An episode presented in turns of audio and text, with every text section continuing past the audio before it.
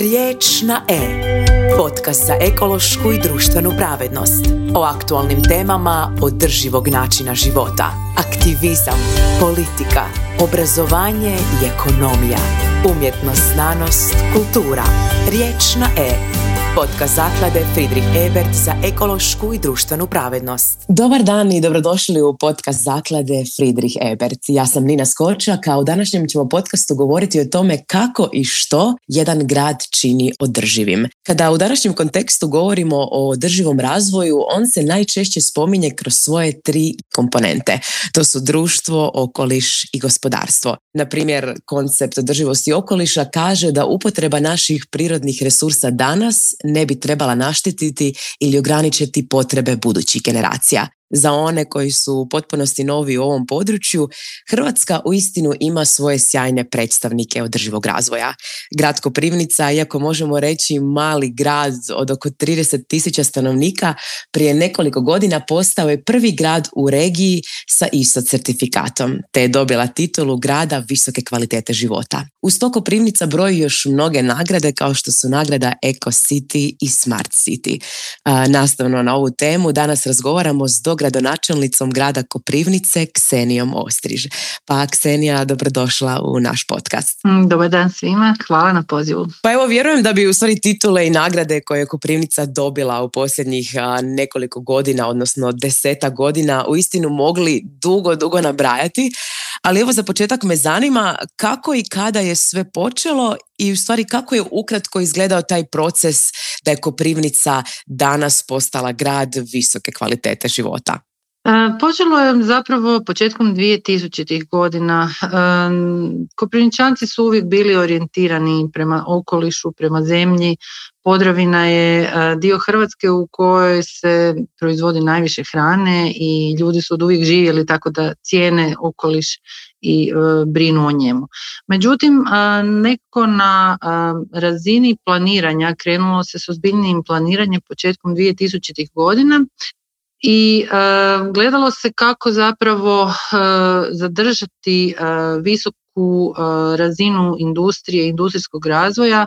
Kao što znate u Koprivnici su sjedišta velikih mhm. kompanija poput Podravke, prehrambene industrije, Belupa, farmaceutske industrije. E, imamo dvije danske kompanije, Hartmann i Carlsberg. E, zatim mali poduzetnici koji su među vremenu izrasli od proizvodnje e, različitih građevinskih dijelova, papirne ambalaže također. Tako dosta je toga bilo i nekako se odlučilo 2003. krenuti u izgradnju prvog biološkog pročistača e, koji je danas jedan od najvećih i najkvalitetnijih u Republici Hrvatskoj kako bi zapravo e, industrijska proizvodnja e, ne bi utjecala loše na okoliš. Evo, mhm. to je recimo bio nekakav početak, krenulo se sa promišljenjem, sa lokalnom agendom 21, sa nekako radnim skupinama koje su promišljale i izrađivala se, izrađivale su se različite strategije eh, mhm. razvoja grada kojima je uvijek bilo u fokusu eh, da Koprivnica ostane mali, eh, održiv, zeleni i poduzetan grad. mm Ovaj, zanimljivo mi je, na primjer, nekako mislim da je u Hrvatskoj još to dosta nekako ko da je to premoderna tema za većinu hrvatskih gradova i za većinu hrvatskih zajednica i zanimljivo mi je to kako je Koprivnica u stvari jel, početkom 2000-ih već počela razmišljati o ovakvoj vrsti nekog održivog razvoja koji realno tek sad dolazi na agendu nekih gradova, a u stvari čini mi se da u većini zajednica to još niti nije ni blizu, ni blizu realizacija kamoli planiranja. A možda vam je to zbog toga što u Koprivnici smo uvijek imali izuzetno glasnu aktivističku scenu zelenu mhm. i koji su na ovaj ili onaj način uvijek pronalazili način e, kako ući u javni prostor, kako e, osvijestiti te neke teme, e, kako mhm. kroz neke simbolične akcije tipa zelena čistka ili Europski tjedan mobilnosti koji je od 20 godina već je tu kod nas. mislim, kako da kroz takve zapravo stvari e, osvijestimo potrebu i za e, skrbi o okolišu i za recimo održivo mobilnosti i važno je bilo dobiti e, potporu uvijek naravno i lokalne politike, ali i prostor za neke projekte. Um, koliko su u tom cijelom procesu ulogu imali na primjer europski fondovi i sama Europska unija? a jako puno.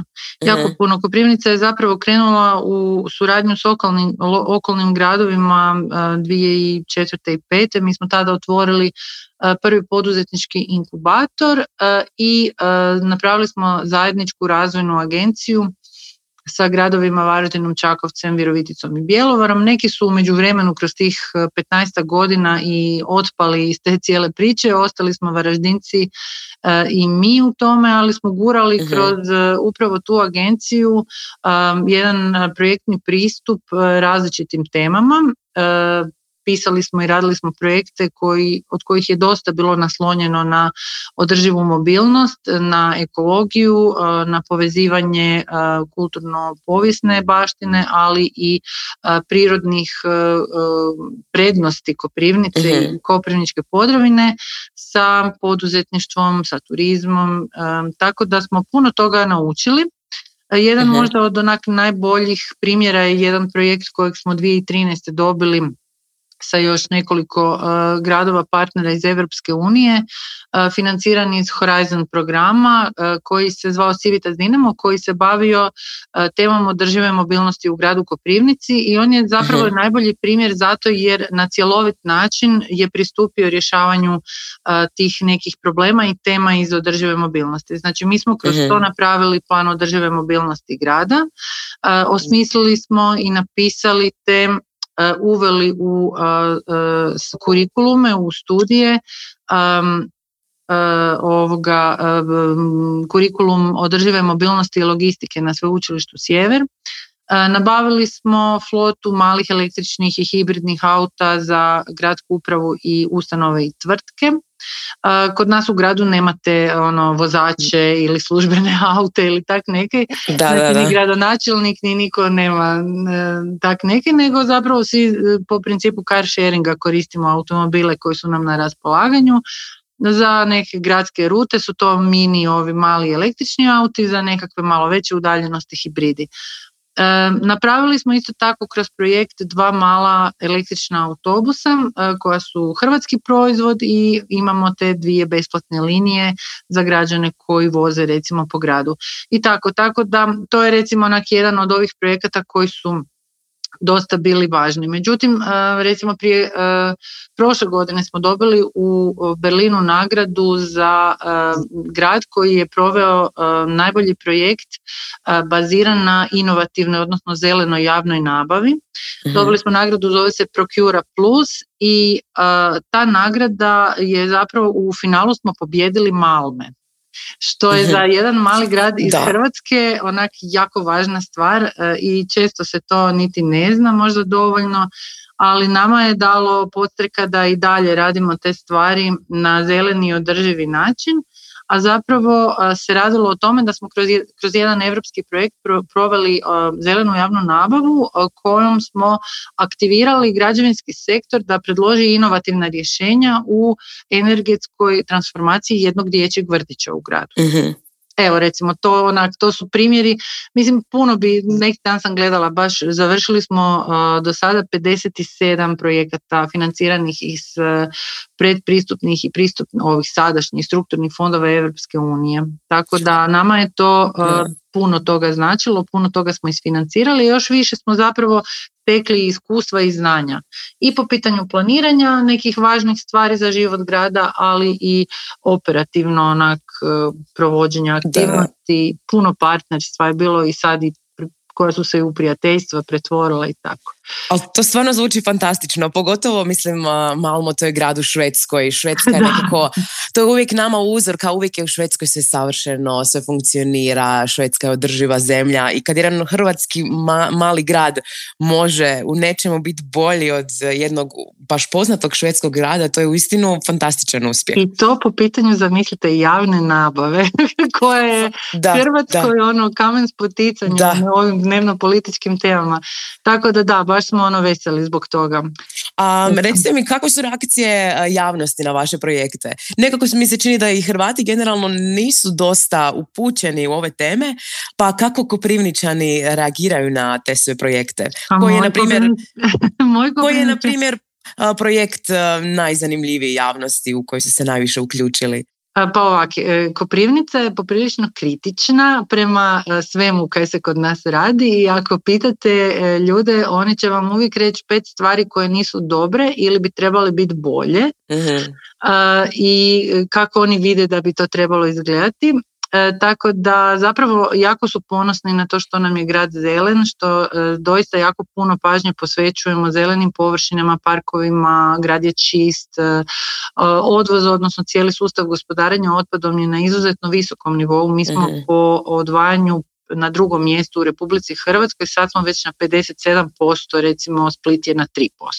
Da, da, da. na primjerice, tako da e, taj cijeli sustav je podržan i ne samo sa odvajanjem na kućnom pragu, nego i s velikim projektima poput e, biokompostane koja je e, nedavno ovoga otvorena kod nas, premda je stara kompostana postojala, uvijek su bili oni neugodni mirisi jer je proces sazrijevanja komposta dugotran, pa onda za okoliš nije naročito sretan, nije štetan, ali neugodni su mirisi kroz ljeto. Da, da, Tako da smo mi sa Tehniksom i sa E, jednom e, skupinom profesora sa sveučilišta u Zagrebu razvili jednu inovativnu tehnologiju koja je na prirodan način ubrzala proces sazrijevanja tako da sad imamo ono kompost prve kvalitete ali koji nema nikakvih e, nuspojava za okoliš mhm. i ono što je važno za naglasiti mi smo uvijek takve stvari znači neke proizvode od smeća koje smo radili smo radili na način da uvijek ljudima damo besplatno koji sudjeluju u tom procesu. aha. Tako da je i to možda bilo ovoga isto nekakav e, benefit su da, ljudi za zajednicu da je recimo to ok. A kako ste spomenuli da su ovaj Koprivničani dosta kritična masa ljudi i kako je u stvari e, prije od 2000-ih to počelo iz nekakvih građanskih inicijativa, mislite li onda da je ključ takvog održivog razvoja nekog mjesta da je ključ u tome da inicijativa dolazi od dozdo, od običnih ljudi, od e, nekakvih e, građanskih udruga i slično, ili bi inicijativa trebala doći sa političkog vrha? Ja vam mislim da to prvenstveno ovisi o svakoj zajednici za sebe. Znači, e. Ludbreg, Varaždin, Koprivnica, Čakovec, ne znam, gradovi oko nas, e, Križevci, Zagreb, e, svi oni imaju svoje neke, svoju neku dinamiku komunikacije sa ljudima u upravi gradskoj koji su. Ponekad vam se posreći pa imate u gradskoj upravi na važnim nekim ono pozicijama koje odlučuju o nekim važnim projektima ljude koji su senzibilizirani za klimatske promjene, na, za zelene politike i e, da, lako stvari idu. Ponekad imate ljude koji misle da je najvažnija stvar na svijetu ono uložiti nekoliko desetaka miliona kuna u nekakva ukrašavanja nečega, bez obzira na to što ispod toga niš ne valja. Tako da e, nama e, se pokazalo izvrsnim da slušamo ljude koji su stručni u svojim područjima, mhm. pa možda e, oni govorili o nekim temama na ne baš najugodniji način, ali treba čovjek staviti sa strane svoju neku aroganciju ili da, egoizam i, i možda i neke stvari pregrmiti za bolji ono u krajnjoj liniji rezultat u zajednici. Tako da to je treća bila, mi smo evo konkretno e, obitelj Hečimović, e, moja jedna profesorica iz, iz e, srednje škole, Helena Hečimović je izuzetno poznata kod nas bila kao žena koja je i prvu recimo privatnu školu otvorila, ali je bila izuzetno svjesna ono utjecaja na koji industrializacija same Koprivnice ima na okoliš, tako da ona sa svojom tom zelenom akcijom i ekipom je uvijek ukazivala na to, uvijek je organizirala neke protestne akcije je zaustavila se recimo isključivo na e, njihovu inicijativu gradnja velike hidrocentrale na mhm. Dravi koja je trebala biti izgrađena, to je na 30 km od Koprivnice i evo rezultat toga je ova biosfera, odnosno Europska Amazona, rezervat e, Drava Mura na kojeg smo sad svi na kraju ponosni i, da, će biti puno i, i poduzetničkih poslova vezanih uz sam taj biorezervat, tako da treba uvijek ljudima predstaviti ove koristi i za biznis i za poduzetništvo mhm. ako žive u zelenom i zdravom okolišu. Mislim da je to ključni način kako treba komunicirati o tim mhm. temama. Um, recite mi, koji vam je trenutni fokus? na što se sad fokusirate točno i koji su vam planovi za budućnost? Koje ćete, koje ćete teme stavljati u fokus u budućnosti? sad smo evo u, procesu stvaranja, kreiranja strategije Koprivnica 2030. Tak smo je mhm. nazvali, sad gradovi više nisu obveznici rađenja strategije. Međutim, mi smo se ipak odlučili opet e, e, uhodanim ovim putom, putem raditi. da, dakle, e, Participacija javnosti je izuzetno nam važna. I sad recimo radili smo ankete prije nekakvih mjesec dana meni se na, grad veličine, znači 30.000 stanovnika, sam ja dobila odgovore na online ankete od gotovo tisuću ljudi. To je jako puno i kad sam gledala strukturu koja mi se ljudi javila na te ankete, one su bile u nekoliko segmenata, ali sad ću recimo ova anketa koja je uključivala sve teme, e, važne za život jednog grada, e, je obuhvaćala, znači pitali smo građane, e, javilo se blizu 800 ljudi, od kojih je tri četvrtine bilo sa višom, visokom školom, magisterijem ili doktoratom. Da, znači ljudi su izdvojili vrijeme i e, e, neke stvari koje su mi rekli su mi onak duboko, duboko su me zabrinule. Mhm. kako smo to ono, Zafini nisu s tim zadovoljni, ono, tak dobivamo nagrade sve svaku da oni još misle da možemo bolje ili tak dalje. Da, da, pa da. hoću reći na kraju ono, to sve će proći kroz neki filter, kroz fokus grupe i ono što je najbolje, najnaprednije, najkvalitetnije, to ćemo svakako uvrstiti kao strateške ciljeve za, mhm. za razvoj Teme na koje se fokusiramo su i dalje jako važne. Jedno je e, grad za život e, mladih obitelji, mladih ljudi i tu u tom segmentu imamo jako puno i poticaja i programa. Recimo mhm. imamo program jedan za mame poduzetnice. Mi im plaćamo prvu godinu čuvanja djece. Da, pa da, A onda gradimo sumanuto vrtiće, jaslice i tako dalje. Mi smo grad koji ima najviše broj, najveći broj recimo obrta dadilja u Hrvatskoj s obzirom na mhm. broj stanovnika 12. Da, da, Sve nivoje obrazovanja potičemo od e, sveučilišta Sjever koje je najmlađe do ovih različitih privatnih inicijativa, privatnih programa i u predškolskom i u školskom. 82 sporta možete kod nas trenirati u gradu, mhm. ne znam, od gradskih bazena, jahanja, streljaštva i tako dalje.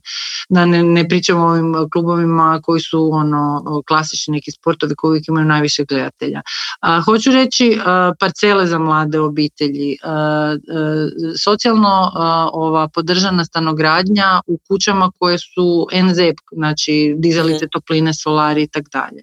Ehm, gradilišta koja se za deficitarna zanimanja daju za 10% cijene. Recimo cijena gradilišta u Koprivnici vam je 300 tisuća kuna, a oni mogu već za 30 tisuća kuna dobiti na dobrom mjestu ehm, parcelu za početak eh, gradnje svoje obiteljske kuće i tako dalje.